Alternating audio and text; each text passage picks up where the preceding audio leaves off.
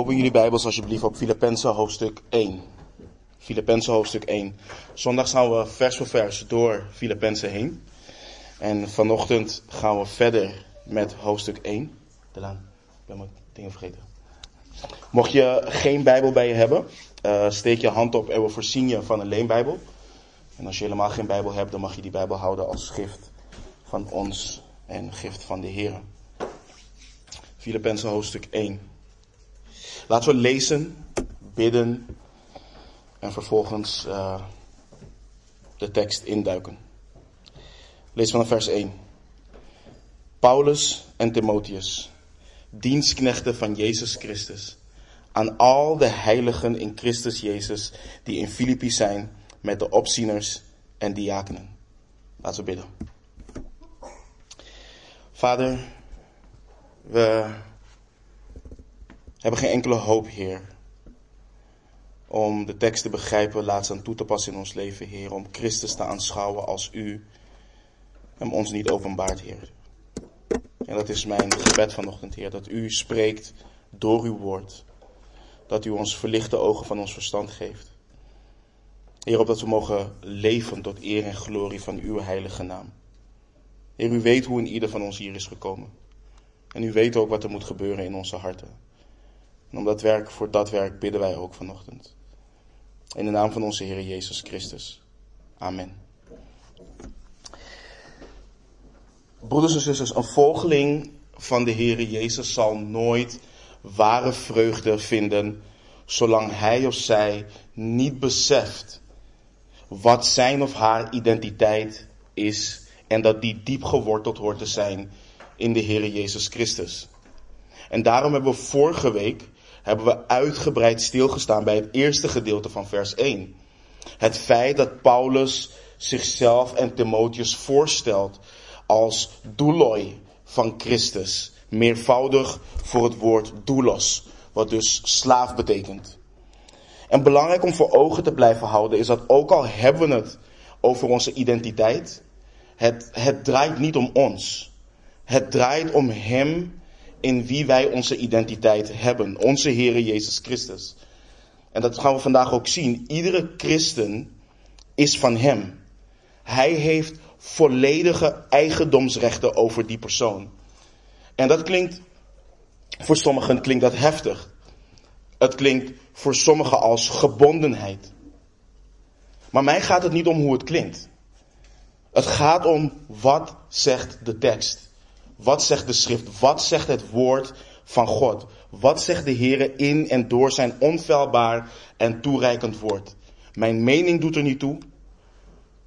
Mijn wil doet er niet toe. Wat er toe doet, is wat God wilt en wat God zegt. En daarin wil ik een ieder van ons aansporen. Want ik kan me voorstellen dat het moeilijk is om jezelf te verloochenen. Maar als je de schrift, als je Gods woord blijft benaderen als een roman, of een fictief boek zoals ieder ander boek, als je het blijft benaderen op een manier waarin jij centraal staat en vanuit jouw eigen wereldbeeld, dan zal dit boek nooit leven. Dan zal dit boek nooit leven. Je zult dan ook met een hoogmoedig hart hier zitten en zelf bepalen waar je het wel mee eens bent en waar je het niet mee eens bent. Je zult denken dat je vrij bent. En dat je zelf goed en kwaad kunt onderscheiden. Maar het is waar we het vorige week over hadden. Het zal alleen maar laten zien dat Christus niet jouw Here is. Maar dat de zonde jouw Here is. En dat je gebonden bent door de zonde. Een slaaf bent van de zonde. En het is pas wanneer de zoon, de zoon je vrij maakt, dat je werkelijk vrij zult zijn. En Christus is Heer. En een ieder die vrijgekocht is met zijn bloed, is zijn slaaf en leeft om hem te dienen, om hem te behagen. Die leeft omwille van hem en wil niets anders dan dat de wil van zijn Heere gedaan wordt. En we hebben gezien, wat een goede Heer hebben wij. De Heere Jezus is gekomen opdat zijn slaven leven hebben en dat ze overvloed hebben. Hij vertroost zijn slaven. Hij geeft hen rust. Hij is zachtmoedig. Hij is nederig van hart. Zijn juk is zacht en zijn last is licht. Onze Heer Jezus is als Heer geduldig. Hij is goed en hij doet goed. Hij laat alle dingen meewerken ten goede voor zijn slaven. Hij kroont hen met goede tierenheid en barmhartigheid. En hij doet hen niet naar hun zonden en vergeldt hen niet naar hun ongerechtigheden. Zijn goede tierenheid, zijn goedheid is over allen die van hem zijn. Hij is trouw en het einde van zijn weg is niet de dood, maar het leven. Want hij is de weg, de waarheid en het leven. En de Heere Jezus houdt van zijn slaven. Hij heeft hen innig, maar dan ook innig lief. Naast het zijn van een slaaf van Christus worden de volgelingen van de Heere Jezus op nog meer verschillende manieren aangeduid in Gods woord. We kennen de term allemaal christenen, schapen, discipelen, kinderen, geliefden, zijn favoriet van Johannes, vrienden, broeders en zusters, gelovigen, uitverkorenen en ga zo maar door. En vandaag de dag identificeren heel veel mensen zich als christenen, alhoewel dat maar drie keer voorkomt in het Nieuwe Testament, is dat wel hoe iedereen zichzelf identificeert, of de meeste zichzelf identificeren. Maar als je kijkt naar wat mensen met het woord hebben gedaan, betekent het vandaag de dag heel weinig. Heel snel noemen mensen zichzelf christenen. Maar wat betekent dat? En het is verbonden aan alle titels, aan alle namen die ik net heb genoemd. Maar een belangrijke, sterker nog een essentiële, is waar we vandaag bij gaan stilstaan. Dat is heiligen. Heiligen. In vers 1 lezen we Paulus en Timotheus, dienstknechten van Jezus Christus, aan al de heiligen in Christus Jezus, die in Filippi zijn, met de opzieners en diakenen. Dus wat zien we? Paulus is de auteur van deze brief. En ik geloof dat de reden dat Timotheus erbij staat is omdat Paulus hem daarin wilt sturen en hem ook als voorbeeld gebruikt, samen met Epaphroditus. Eh, dit zijn broeders die zij, de Filippenzen, in ere moeten houden. Maar hij stelt hen voor als dienstknechten, als slaven van de Heer Jezus Christus. En na de komma zien we aan wie de brief gericht is. Al de heiligen in Christus Jezus die in Filippi zijn met de opzieners en diakenen. Nou, de reden dat Paulus de opzieners en diakenen apart aanspreekt, want ook zij zijn natuurlijk heiligen, kan te maken hebben met het geschil tussen de twee zusters, waarnaar hij refereert in hoofdstuk 4. Ja, opzieners en diakenen dienen vaak zij aan zij een lokale gemeente. Beiden doen geestelijk werk, maar de opzieners overzien vaak als leiders de gemeente. Vooral in de geestelijke zaken. Denk aan pastoraal werk, het verkondigen van het woord, het leiden en overzien van de samenkomsten. En diakenen, zoals ik net zei, doen ook geestelijk werk. Maar vaak op praktisch niveau. Denk aan wat we in Handelingen 6 lezen over de verkiezingen van de zeven diakenen die de tafelen bedienen. Maar niet iedere gemeente heeft officieel diakenen. En je ziet dit vaak geleid worden door de Heilige Geest. En dat het dan tot stand komt wanneer er een specifieke behoefte of een specifieke noden is. Of wanneer een lokale gemeente groeit. Maar vergis je niet. Want in de dag van vandaag waar we heel veel bezig zijn met dit is mijn bediening, dat is mijn bediening. Um, de bediening van een diaken beperkt zich niet tot binnen de vier muren van een gemeentesamenkomst. Denk aan Filippus en denk aan Stefanus. Dit waren diakenen. Maar dit zijn mannen die machtig gebruikt zijn door de Heer tot bevordering van het evangelie. Stefanus heeft een van de langste preken in handelingen staan. En het is een geweldige preek om te bestuderen. En Filippus die machtig ook gebruikt is in Samaria. Maar Paulus schrijft dus aan de heiligen in Filippi. En wat betekent dit woord? Want wanneer je mensen hoort praten over het woord heilige, dan hoor je vaak de volgende uitspraak. Ja, ik ben ook geen heilige. Of ben jij zo'n heilig boontje? Of er wordt ook wel vaak gerefereerd naar heiligen binnen de katholieke kerk. En dat zijn dan de mensen die een uitzonderlijk leven hebben geleid. En uiteindelijk krijg je, krijg je een groep. Aan de ene kant gaat die de heilige aanklagen. Om te laten zien van ja, nee, hij verdient de status van heilige niet. En de andere groep die, die, die verdedigt hem en die zegt van ja, nee, maar hij verdient de, de staat van heilige wel. En op een gegeven moment wordt een balans opgemaakt. En als hij, hij of zij genoeg uitzonderlijk werk heeft gedaan, dan worden ze een, een heilige. En dan wordt er ook tot hen gebeden en, en noem maar op.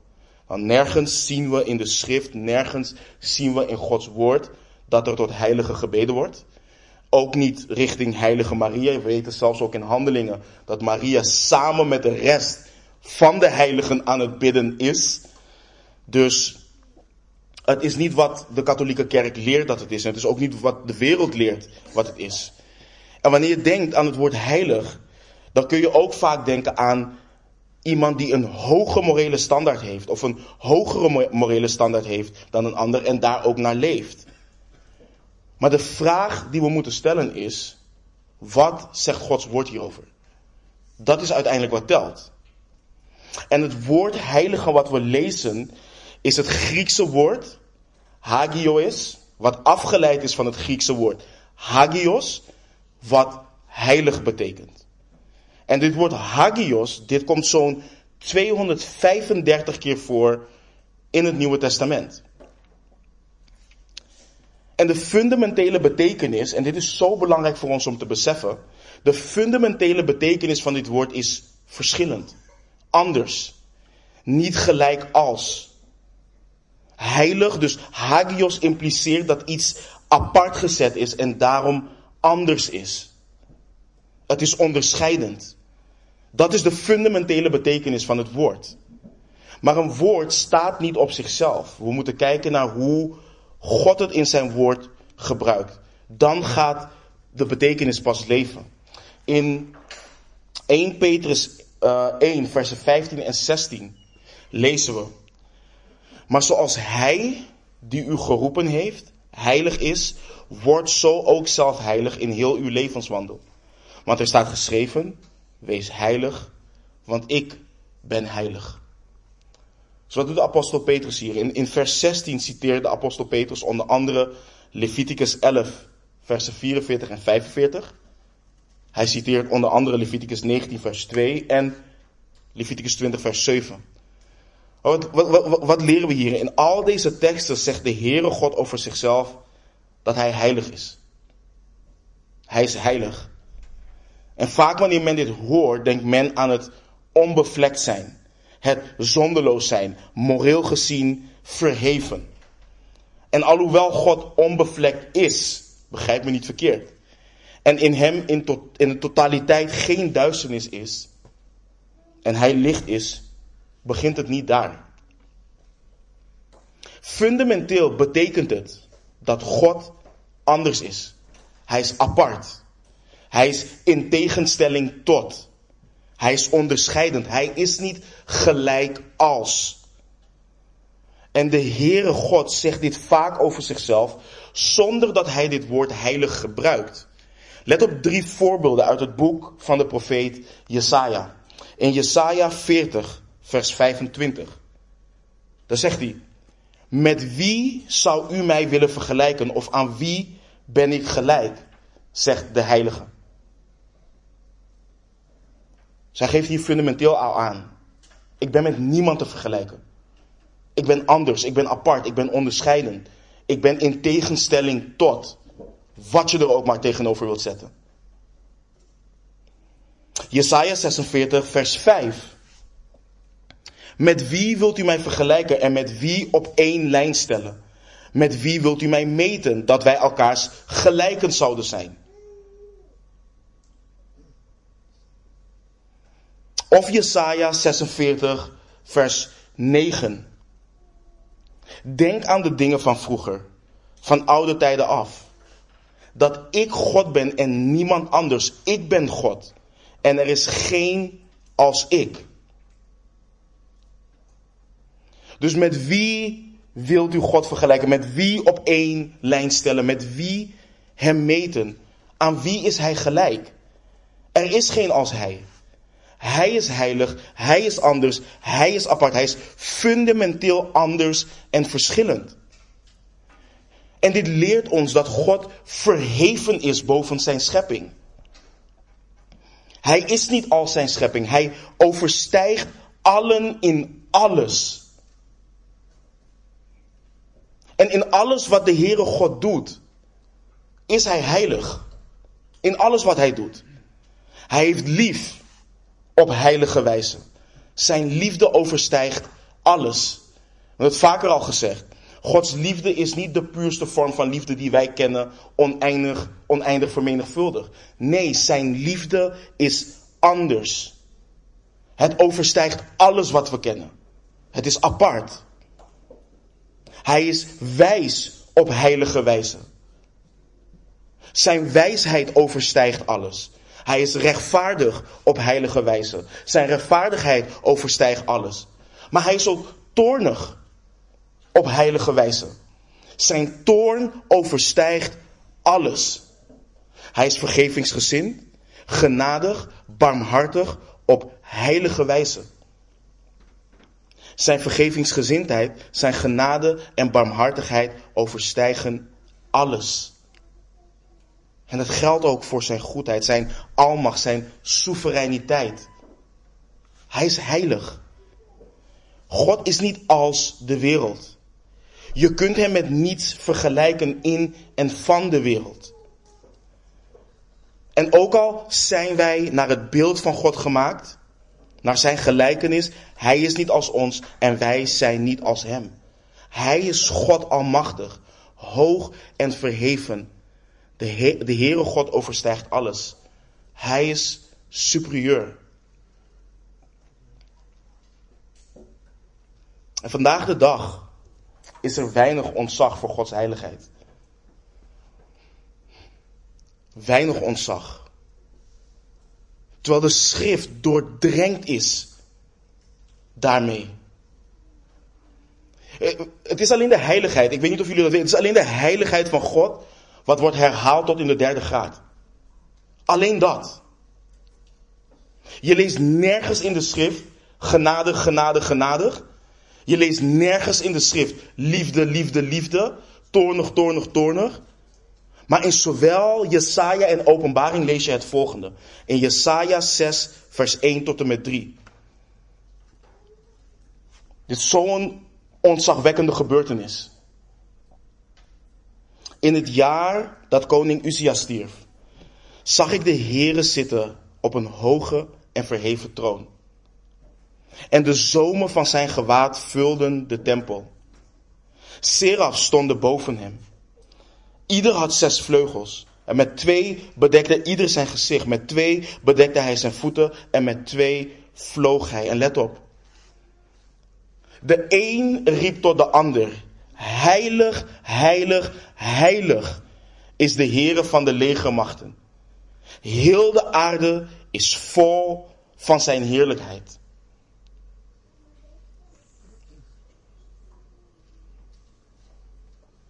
Openbaring 4, vers 8. En de vier dieren hadden elk voor zich zes vleugels rondom. En van binnen waren, de, waren die vol ogen. Ze hadden geen rust. En zeiden dag en nacht. Dit is hoe heilig hij is. Dat er wezens zijn die dag en nacht het volgende roepen. Heilig, heilig, heilig is de Heere God, de Almachtige, die was, die is en die komt.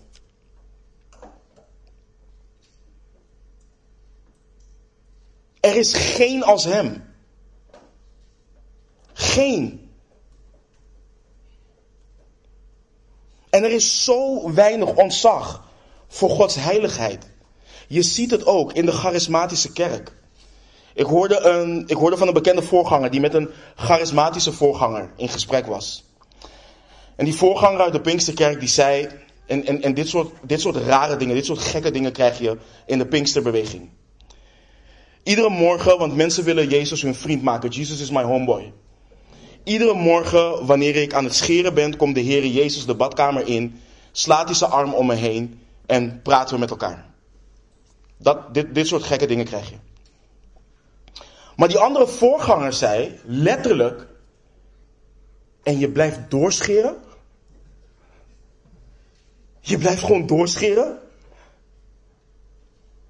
En je moet je bedenken, dit wordt aan de lopende band geroepen in de charismatische kerk. De glorie van God was hier. De heilige God was hier. De heilige geest is neergevallen op deze plek.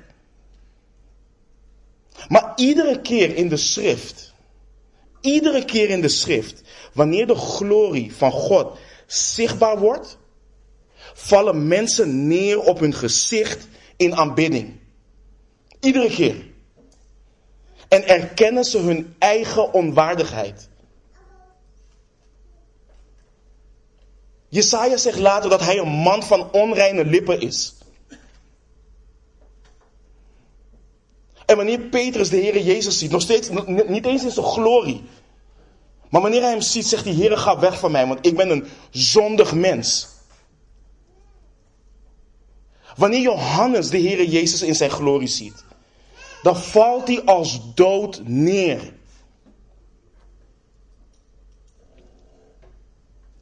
Maar deze voorganger, hij kan blijven scheren wanneer de Heer Jezus naast hem staat.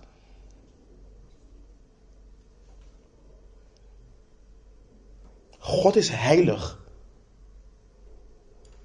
Hij is heilig. Er is niemand als God. Als de enige waarachtige God. En als we dit niet begrijpen, voor zover we het kunnen begrijpen, dan zullen we niets begrijpen. Als we niet begrijpen dat God niet als ons is en wij niet als Hij zijn, dan zullen we niets begrijpen. Wat prachtig is, is dat God, omdat Hij heilig is, heiligt Hij ook. En dan in de, zin, in de zin van dat Hij iets of iemand apart zet. We lezen bijvoorbeeld in Exodus 3, vers 5 over heilige grond. In Exodus 19 over hoe de berg Sinaï werd geheiligd. De priesters van God werden geheiligd. Dat betekent dat ze allemaal apart gezet werden. En de berg Sinaï was niet heilig vanwege de berg zelf. Maar omdat de heilige God daar neerdaalde en daar zijn heilige wet gaf. En hetzelfde geldt ook voor de priesters. Die zijn apart gezet, geheiligd voor God tot dienstbetoon. En alhoewel ik dat zou willen, vandaag is geen studie over de heiligheid van God. Daar gaan we uitgebreid bij stilstaan wanneer we gaan stilstaan bij de karaktereigenschappen van God. Maar het punt dat we moeten zien voor vandaag ook, is dat de Heere God heilig is. En dat ook Hij heiligt. En wanneer Hij heiligt, doet Hij dat met een doel. Ik had net kort over de priesters, die zijn met een doel apart gezet. Israël, het volk, is met een doel apart gezet. De zevende dag, de Sabbat, met een doel apart gezet. En zo heb je, net zoals we vorige week bespraken, dat je of slaven bent van zonde, of slaven, slaven bent van Christus. Ook hebben we het volgende met heilig. Je hebt al hetgeen wat heilig is, en je hebt al hetgeen wat niet heilig is. Wat onheilig is, wat ongewijd is. Dat zijn de twee categorieën die er zijn. Maar de vraag is, wanneer is iets of iemand heilig en wanneer niet? Waarom kan de apostel Paulus schrijven aan de heiligen in Filippi? Vorige week hebben we stilgestaan bij hoe alle mensen hebben gezondigd. Dat er niemand is die goed doet dat er niemand is die rechtvaardig. Hoe kan het dan dat de apostel Paulus schrijft aan heiligen in Filippi? En let op wat hij schrijft in het vers, en dit is zo cruciaal, aan al de heiligen in Christus Jezus. In Christus Jezus. Dat is zo cruciaal. Door dit zo te schrijven maakt de Heilige Geest door de apostel Paulus duidelijk wat het betekent om een heilige te zijn en waarom iemand een heilige genoemd kan worden. Een heilige is iemand die door God apart gezet is, voor God apart gezet is in Christus Jezus. In Christus Jezus. En dit houdt in dat je God toebehoort. Dit spreekt van een relatie. Dit spreekt van identiteit. Als jij in Christus bent, dan ben je per definitie apart gezet voor en door God. En dat is ook wat Paulus zegt tegen de Filippenzen. Jullie zijn apart gezet. Maar wat betekent het? En dat is belangrijk om te, om te weten. Wat betekent het om in Christus te zijn? Wat is dat? Want ik zei net al, mensen noemen zichzelf snel christenen tegenwoordig. Wat betekent het om een christen te zijn? Wat betekent het om in Christus te zijn? En Paulus geeft een prachtige definitie in Galaten 3:26 tot en met 29. Hij begint in vers 26. Want u bent allen kinderen van God door het geloof in Christus Jezus. Het woord geloof is belangrijk, want wij zien het woord geloof tegenwoordig als, oké, je hebt een besef, je erkent dat Jezus bestaat. Dat is niet wat geloven betekent in Gods woord. In Gods woord betekent geloven vertrouwen. Betekent vertrouwen, erkennen. Vers 27, want u allen die in Christus gedoopt bent, hebt zich met Christus bekleed. Daarbij is het niet van belang dat men Jood of Griek is, of uh, Jood is of Griek. Daarbij is het niet van belang dat men slaaf is of vrije. Daarbij is het niet van belang dat men man is of vrouw.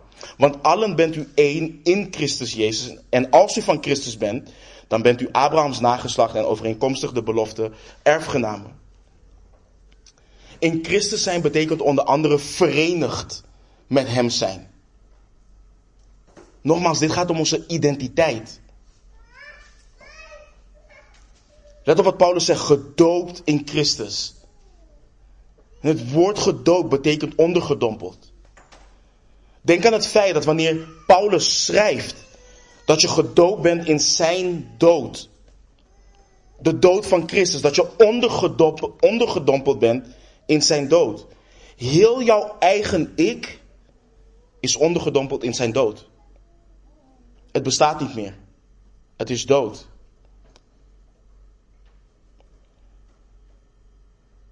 Ik ben gestorven met Christus. En niet meer ik leef. Paulus heeft het over met Christus bekleed zijn, hem aangetrokken. Zijn gezindheid hebben. Eens zijn met hem. Van Christus zijn. Dat is waar Paulus het over heeft. Kinderen van God zijn. Een nieuw mens zijn. Je bent een nieuwe schepping. Je leven is in hem. En dat is ook de enige manier waarop je tot de heilige God met vrijmoedigheid kunt naderen. Er is geen manier, er is geen andere manier om tot God te naderen dan in Christus. Als je denkt omdat je in de samenkomsten zit dat je op die manier tot God nadert, nee. De enige manier om tot God te naderen is door in Christus te zijn. Want als je zelf naar Hem toe gaat, dan kom je bekleed met de vuilheid van je zonde. En dan zal zijn toorn tegen je ontbranden. Maar als je in nederigheid het offer aanvaardt van de Heere Jezus Christus, je bekeert van je wegen en gelooft, vertrouwt in Hem voor de vergeving van je zonde, dan ziet, dan ziet God die vuilheid van je zonde niet meer. Hij doet alles weg. Iedere zondige daad, iedere zondige gedachte, alles. In Christus ziet Hij de gerechtigheid van Zijn Zoon op jou. Zijn Zoon die de verzoening is voor onze zonde. En nu, voor mij, nu klinkt het allemaal rooskleurig en noem maar op.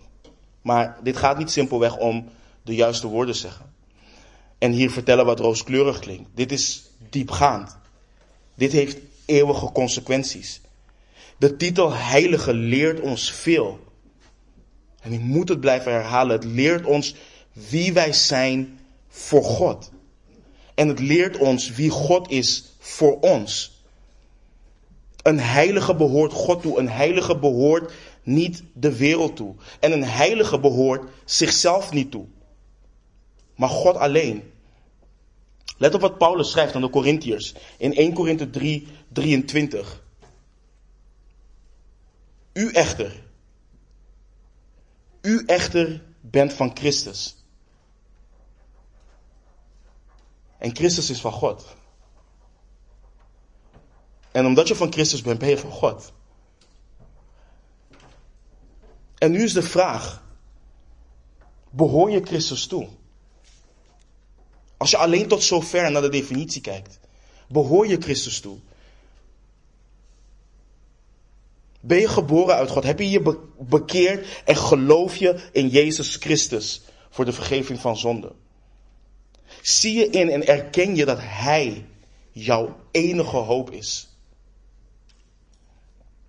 Dat Hij jouw gerechtigheid is? Want de vraag die we onszelf moeten stellen is: waarom noem je jezelf een heilige? Waarom noem je jezelf een heilige? Noem je jezelf een heilige omdat je hier iedere zondag bent? Noem je jezelf een heilige omdat je bepaalde zonden niet meer doet? Noem je jezelf een heilige omdat je goede werken doet? Als dat de reden is dat je jezelf een heilige noemt, dan ben je nog dood in je zonden en overtredingen. De enige reden waarom je jezelf een heilige zou kunnen noemen is vanwege de hoop die je hebt waarvan je heiliging komt. En dat is Christus en Christus alleen. De bron van onze heiligheid is de heilige. En, en, en dus even terug naar wat ik eerder zei. Je hebt heilig en je hebt onheilig. Je hebt hen die God toebehoren en je hebt hen die God niet toebehoren. Wat kenmerkt de onheilige en wat kenmerkt de heilige? Zij die niet heilig zijn, ik zei het net al, behoren de wereld toe. En in 1 Petrus 1, vers 18 lezen we dat hun levenswandel zinloos is. Dat is een van de dingen die een, een, een niet-heilige kenmerkt. Hun levenswandel is zinloos. Ze bedenken dingen die aards zijn. Ze gaan achter hun eigen verlangens aan. Ze doen wat ze zelf willen. De vrezen Gods staat hen niet voor ogen. Hun identiteit is wat de wereld hun leert wat hun identiteit is. Ze spreken, denken, handelen uit de wereld. En ze zijn in opstand tegen God. Ze, ze wantrouwen God en zijn woord. Ze denken het zelf beter te weten en bestempelen zelf wat goed en kwaad is. Ze negeren wat God zegt. Ze negeren wat God wil. Ze negeren wie God is. Paulus noemt het kwaadsprekers, lasteraars, haters van God. Smaders, hoogmoedige grootsprekers, bedenkers van slechte dingen. Mensen die ongehoorzaam zijn aan hun ouders. Onverstandigen, trouwloze, mensen zonder natuurlijke liefde. Onverzoenlijk, onbarmhartig.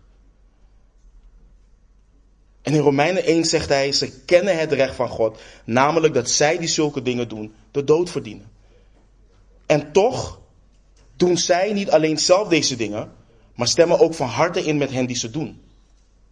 En als je niet in Christus bent, dan is dit wie je bent. Dat is wat God door zijn woord heen zegt. Maar de heiligen, de heilige, die apart is gezet door God en voor God, de heilige is getrokken uit de wereld. Die is overgegaan van duisternis naar licht. Van dood naar leven.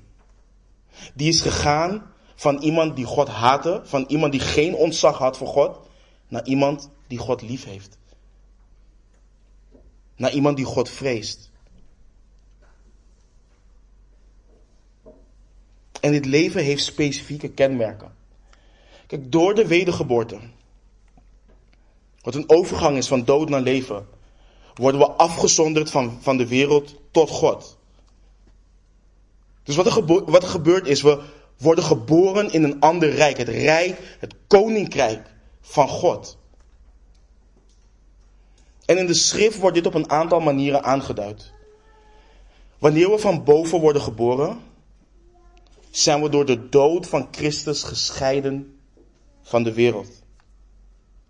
Van het koninkrijk der duisternis en van het vlees. Worden geboren, nogmaals, in het koninkrijk van God als nieuwe scheppingen in Christus Jezus. In het licht en in de geest van God. En dit is niet zomaar iets. Ik hinte er net al aan. Maar als je kijkt naar 2 Korinthe 5, vers 17.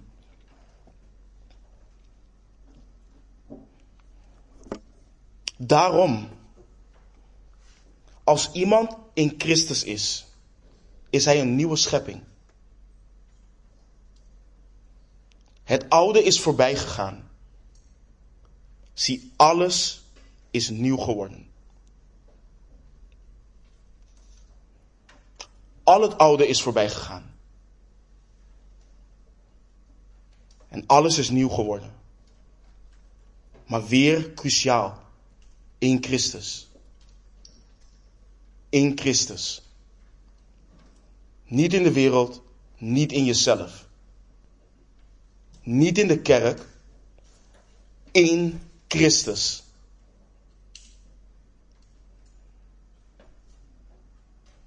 We zijn nieuwe creaties die in Christus zijn. De Heere Jezus zei in Johannes 15, vers 19. Als u van de wereld zou zijn, zou de wereld het hare lief hebben. Maar omdat u niet van de wereld bent, let op, omdat u niet van de wereld bent, maar ik u uit de wereld heb uitverkoren, daarom haat de wereld u. Heiligen zijn niet van de wereld. Dit is zo belangrijk in onze identiteit. Heiligen zijn niet van deze wereld. Dat houdt ook in dat heiligen deze wereld niet dienen lief te hebben. En het is goed en belangrijk om de wereld te definiëren. Dit gaat niet om het feit dat je niet voor de aarde mag zorgen. Dit gaat niet om de aardbol. Dit heeft te maken met het systeem van de wereld wat erop ingericht is om tegen alles, alles van God in te gaan. Dus wat de wereld zegt over het leven, wat de wereld zegt over de dood, over onze identiteit, over huwelijk, gemeenschap, liefde en ga zo maar door. Heiligen zijn niet van de wereld en horen de wereld ook niet lief te hebben, want ze zijn apart gezet tot God. Johannes schrijft ook in Johannes 2, vers 15 tot en met 17. Dit is gewoon een gebod. Laten we dat voorop stellen. Dit is gewoon een gebod. Dit is geen suggestie. Heb de wereld niet lief en ook niet wat in de wereld is. Als iemand de wereld lief heeft, is de liefde van de Vader niet in hem. Dit is behoorlijk zwart-wit. Dit is hetzelfde als wat ik net zei. Je hebt of je bent heilig of je bent niet heilig. Hij zegt heel duidelijk, als iemand de wereld lief heeft, is de liefde van de Vader niet in hem. Het gaat niet samen. Want al, en hij maakt ook duidelijk waarom. Want al wat in de wereld is, de begeerte van het vlees, de begeerte van de ogen en de hoogmoed van het leven, is niet uit de Vader, maar is uit de wereld. Weer zie je die scheiding. God is heilig, hij is apart. En de begeerte van het leven, dus de begeerte van het vlees, de begeerte van de ogen en de hoogmoed van het leven, het is niet van hem. Het is niet uit hem, het is uit de wereld. En de wereld gaat voorbij met haar begeerte. Maar wie de wil van, de, van God doet, blijft tot in eeuwigheid.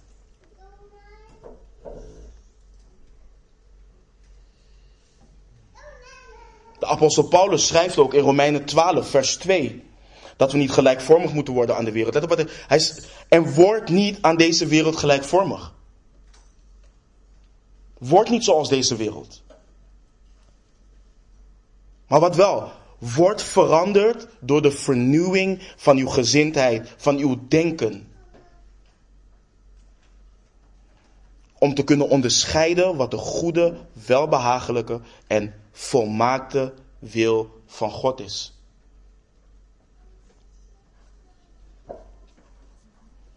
Het denken van heiligen dient continu vernieuwd te worden. Het dient continu gevormd te worden. Door het woord van God, want dat is waar we de wil van God leren onderscheiden. We zijn dus in heel ons wezen apart gezet tot God. Niet alleen in het niet meer fysiek zondigen. Niet alleen in het niet meer doen wat de wereld doet. Het begint al in ons denken. Het begint in ons denken, in ons hart. We horen niet meer te denken als de wereld. Ze dingen goed te keuren die de wereld goedkeurt. Als heiligen dient ons denken gelijkvormig te worden aan de heilige, aan het denken van onze Heer Jezus Christus in wie wij zijn.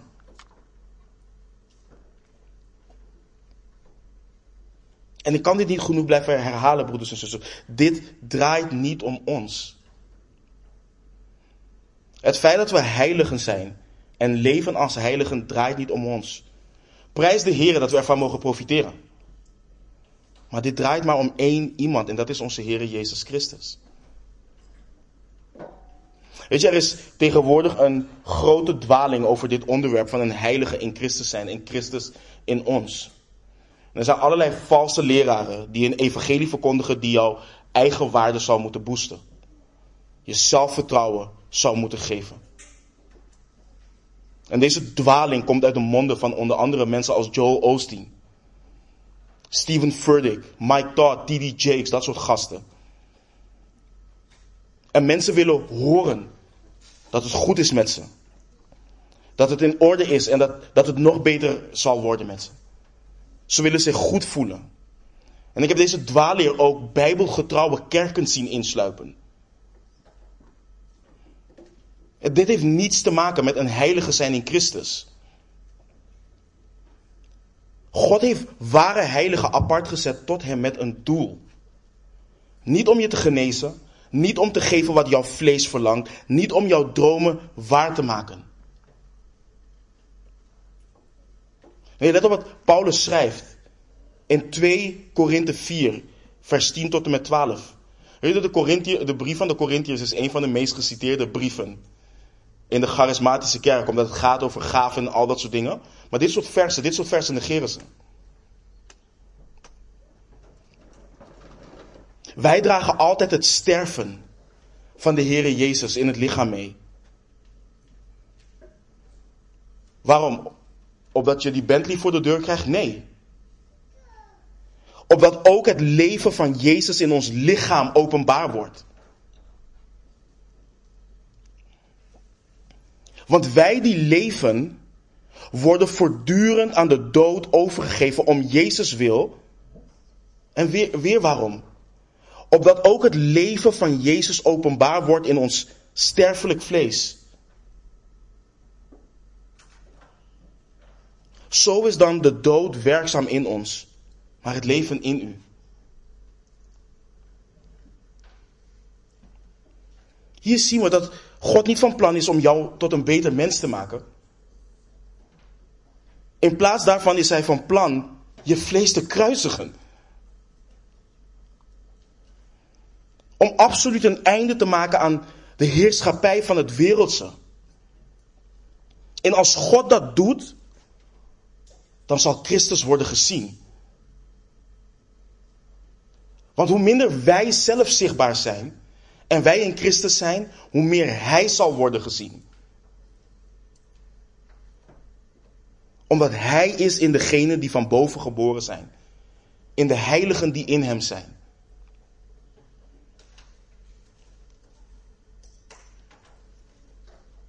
Dit is wat het onder andere is, broeders en zusters. Om heiligen te zijn.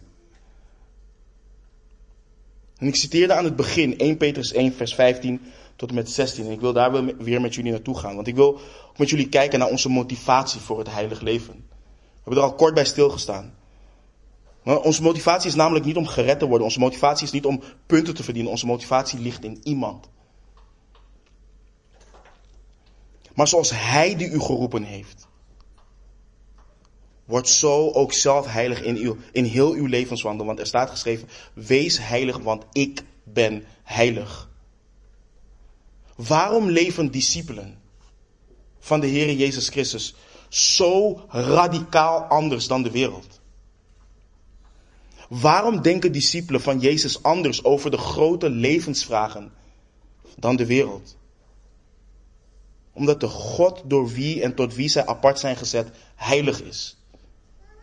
En hun denken in hen is. Een heilige leeft om degene door wie en tot wie hij geheiligd is te verheerlijken. Net als de slaaf leeft om de wil van zijn Heer te doen, leven de heiligen in Christus Jezus om te laten zien hoe heilig hun God is. Is dit zichtbaar in jouw leven? En broeders en zusters, ik wil de vraag nog concreter maken. Want je kunt misschien gaan denken aan de dingen die je deed en nu niet meer doen. En in eerste instantie lijkt dat oké. Maar laten we dieper gaan. Want als je zegt, ik ging vroeger uit en nu niet meer. Ik dronk vroeger en nu niet meer. Ik rookte vroeger en nu niet meer. Ik, maakte, ik, ik, ik gebruikte drugs, al die dingen. Ik maakte me continu schuldig aan overspel en nu niet meer. Ik was agressief en nu niet meer. Als dat je enige toetsteen is. En let op het woord enige. Als dat je enige toetsteen is. Dan is, het dan is dit het volgende wat je dient te doen na de dienst op je knieën gaan en smeken voor genade en barmhartigheid. Want ik kan rijden naar de plek waar ik ben opgegroeid. En hier een rij van mensen naast elkaar zetten. En die zullen exact hetzelfde zeggen. En de een zal zeggen: Ik heb dit of dat genoeg gedaan. En daarom doe ik dit nu niet meer.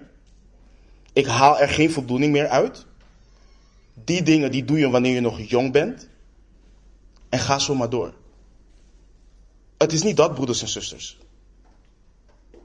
De vraag is, leef jij in Christus?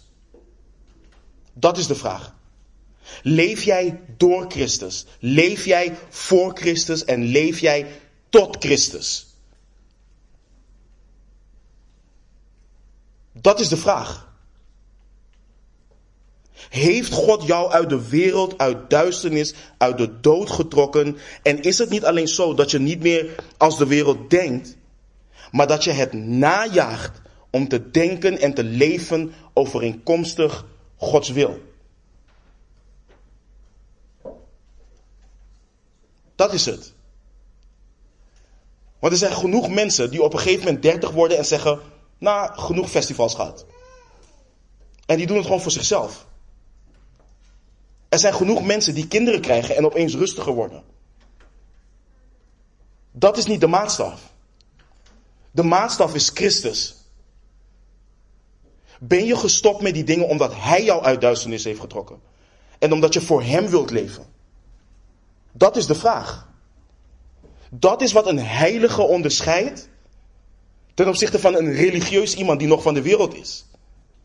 Of van iemand die nog dood is in zijn zonde en overtreding. Dat is het onderscheid. Het onderscheid is de persoon Christus.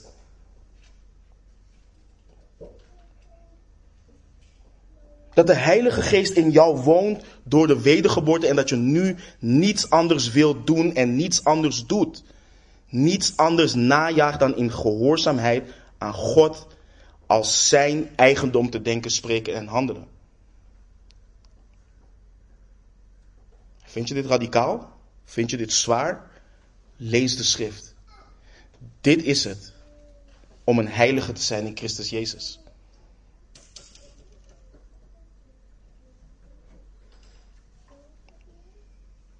Alles kan je gestolen worden.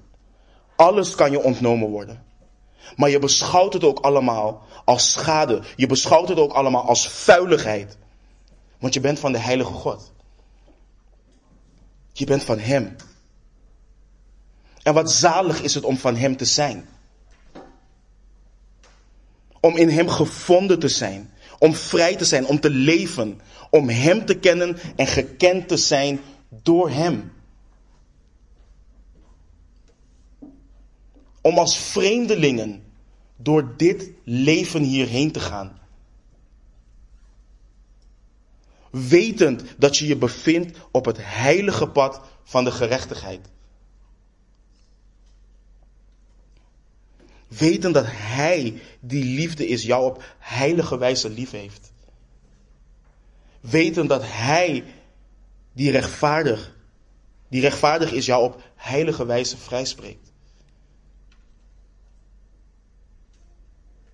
Wat een vreugde, wat zalig. Dit is een leven als geen ander. Dit is een heilig leven, een waardig leven.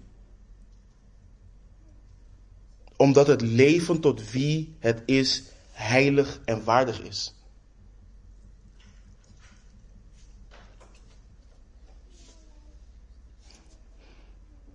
Er is één gezin in het Oude Testament. Die al zijn bezittingen de afgrond in heeft meegenomen toen de grond openging. Wij zullen allemaal sterven en alles achterlaten. We zullen alles achterlaten. En de vraag is, waarvoor leef je? Waarvoor leef je?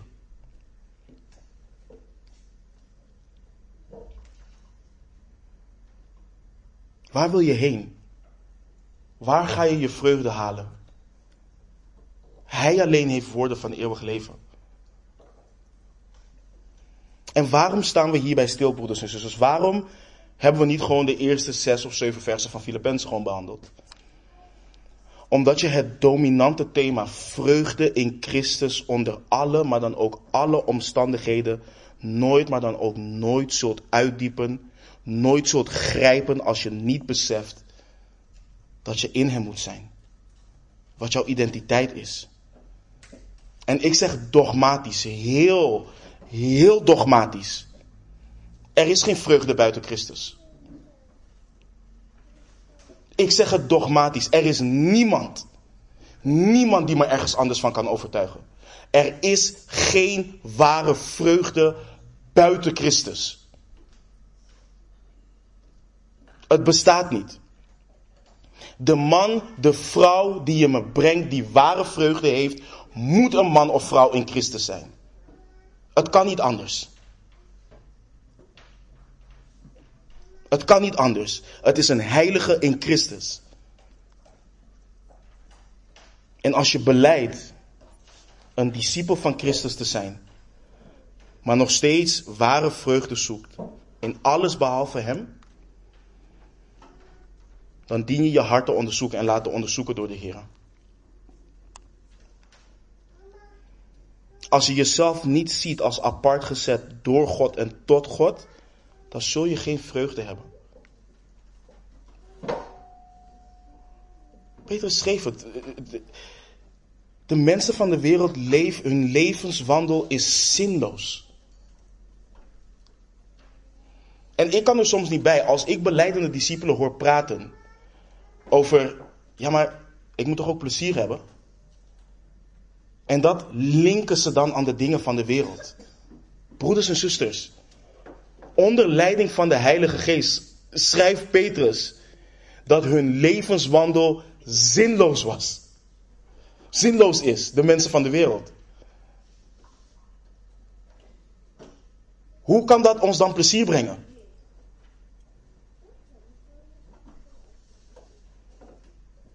Wat heerlijk is het om het evangelie te verkondigen aan hen die verloren zijn. Om heilig te leven voor hem die heilig is. Om in gehoorzaamheid achter hem aan te gaan. Dat is leven. Dat is leven. Let op wat de Heer Jezus zei. Om af te sluiten. In Johannes 15, versen 1 tot en met 8. Ik ben de ware wijnstok. En mijn vader is de wijngaardenier. Elke rang die in mij geen vrucht draagt, neemt hij weg. En elke rang die vrucht draagt, reinigt hij, opdat zij meer vrucht draagt. U bent al rein vanwege het woord dat ik tot u gesproken heb. En let op. Alle heiligen. Let op wat hij zegt. Blijf in mij. Blijf in mij. En ik in u. Zoals de rank geen vrucht kan dragen uit zichzelf als hij niet in de wijnstok blijft, zo ook u niet, als u niet in mij blijft. Ik ben de wijnstok, u de ranken. Wie in mij blijft en ik in hem, die draagt veel vrucht. Want zonder mij kunt u niets doen. Als iemand niet in mij blijft, wordt hij buitengeworpen zoals de rank en verdord. En men verzamelt ze en werpt ze in het vuur en zij worden verbrand. Als u in mij blijft en mijn woorden in u blijven, vraag wat u maar wilt en het zal u ten deel vallen. Hierin wordt mijn Vader verheerlijkt, dat u veel vrucht draagt en mijn discipelen bent.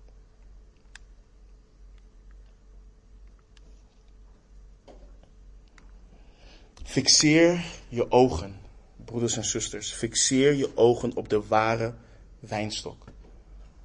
Fixeer je ogen op de heiligen.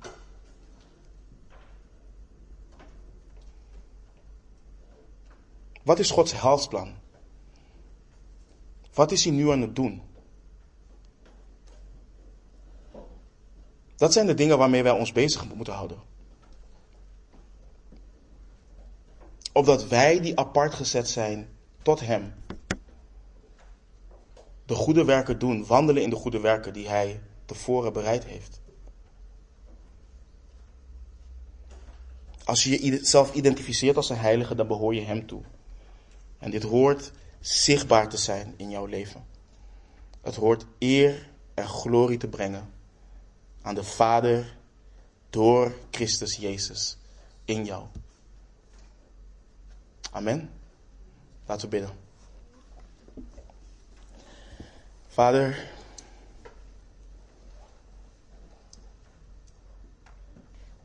o heilige God, we houden van u. Heer, want u hebt eerst van ons gehouden. Heer, mijn gebed, mijn vraag is, Heer, dat een ieder die hier vandaag is, meer mag grijpen, meer mag aanschouwen. Van wat betekent dat u heilig bent. O Heer, dat we ontzag voor u mogen hebben. En dat we zullen wandelen. Als mensen die getrokken zijn uit duisternis. Als ware heiligen. Als mensen die apart gezet zijn. getrokken uit de wereld en geplaatst in de hemelse gewesten. Heer, wat zijn we u dankbaar. Dat ons burgerschap in de hemelen ligt. En Heer, help ons. En vorm ons hart, Heer. Opdat we gaan houden van de dingen van u. En de dingen van de wereld zullen verloochenen.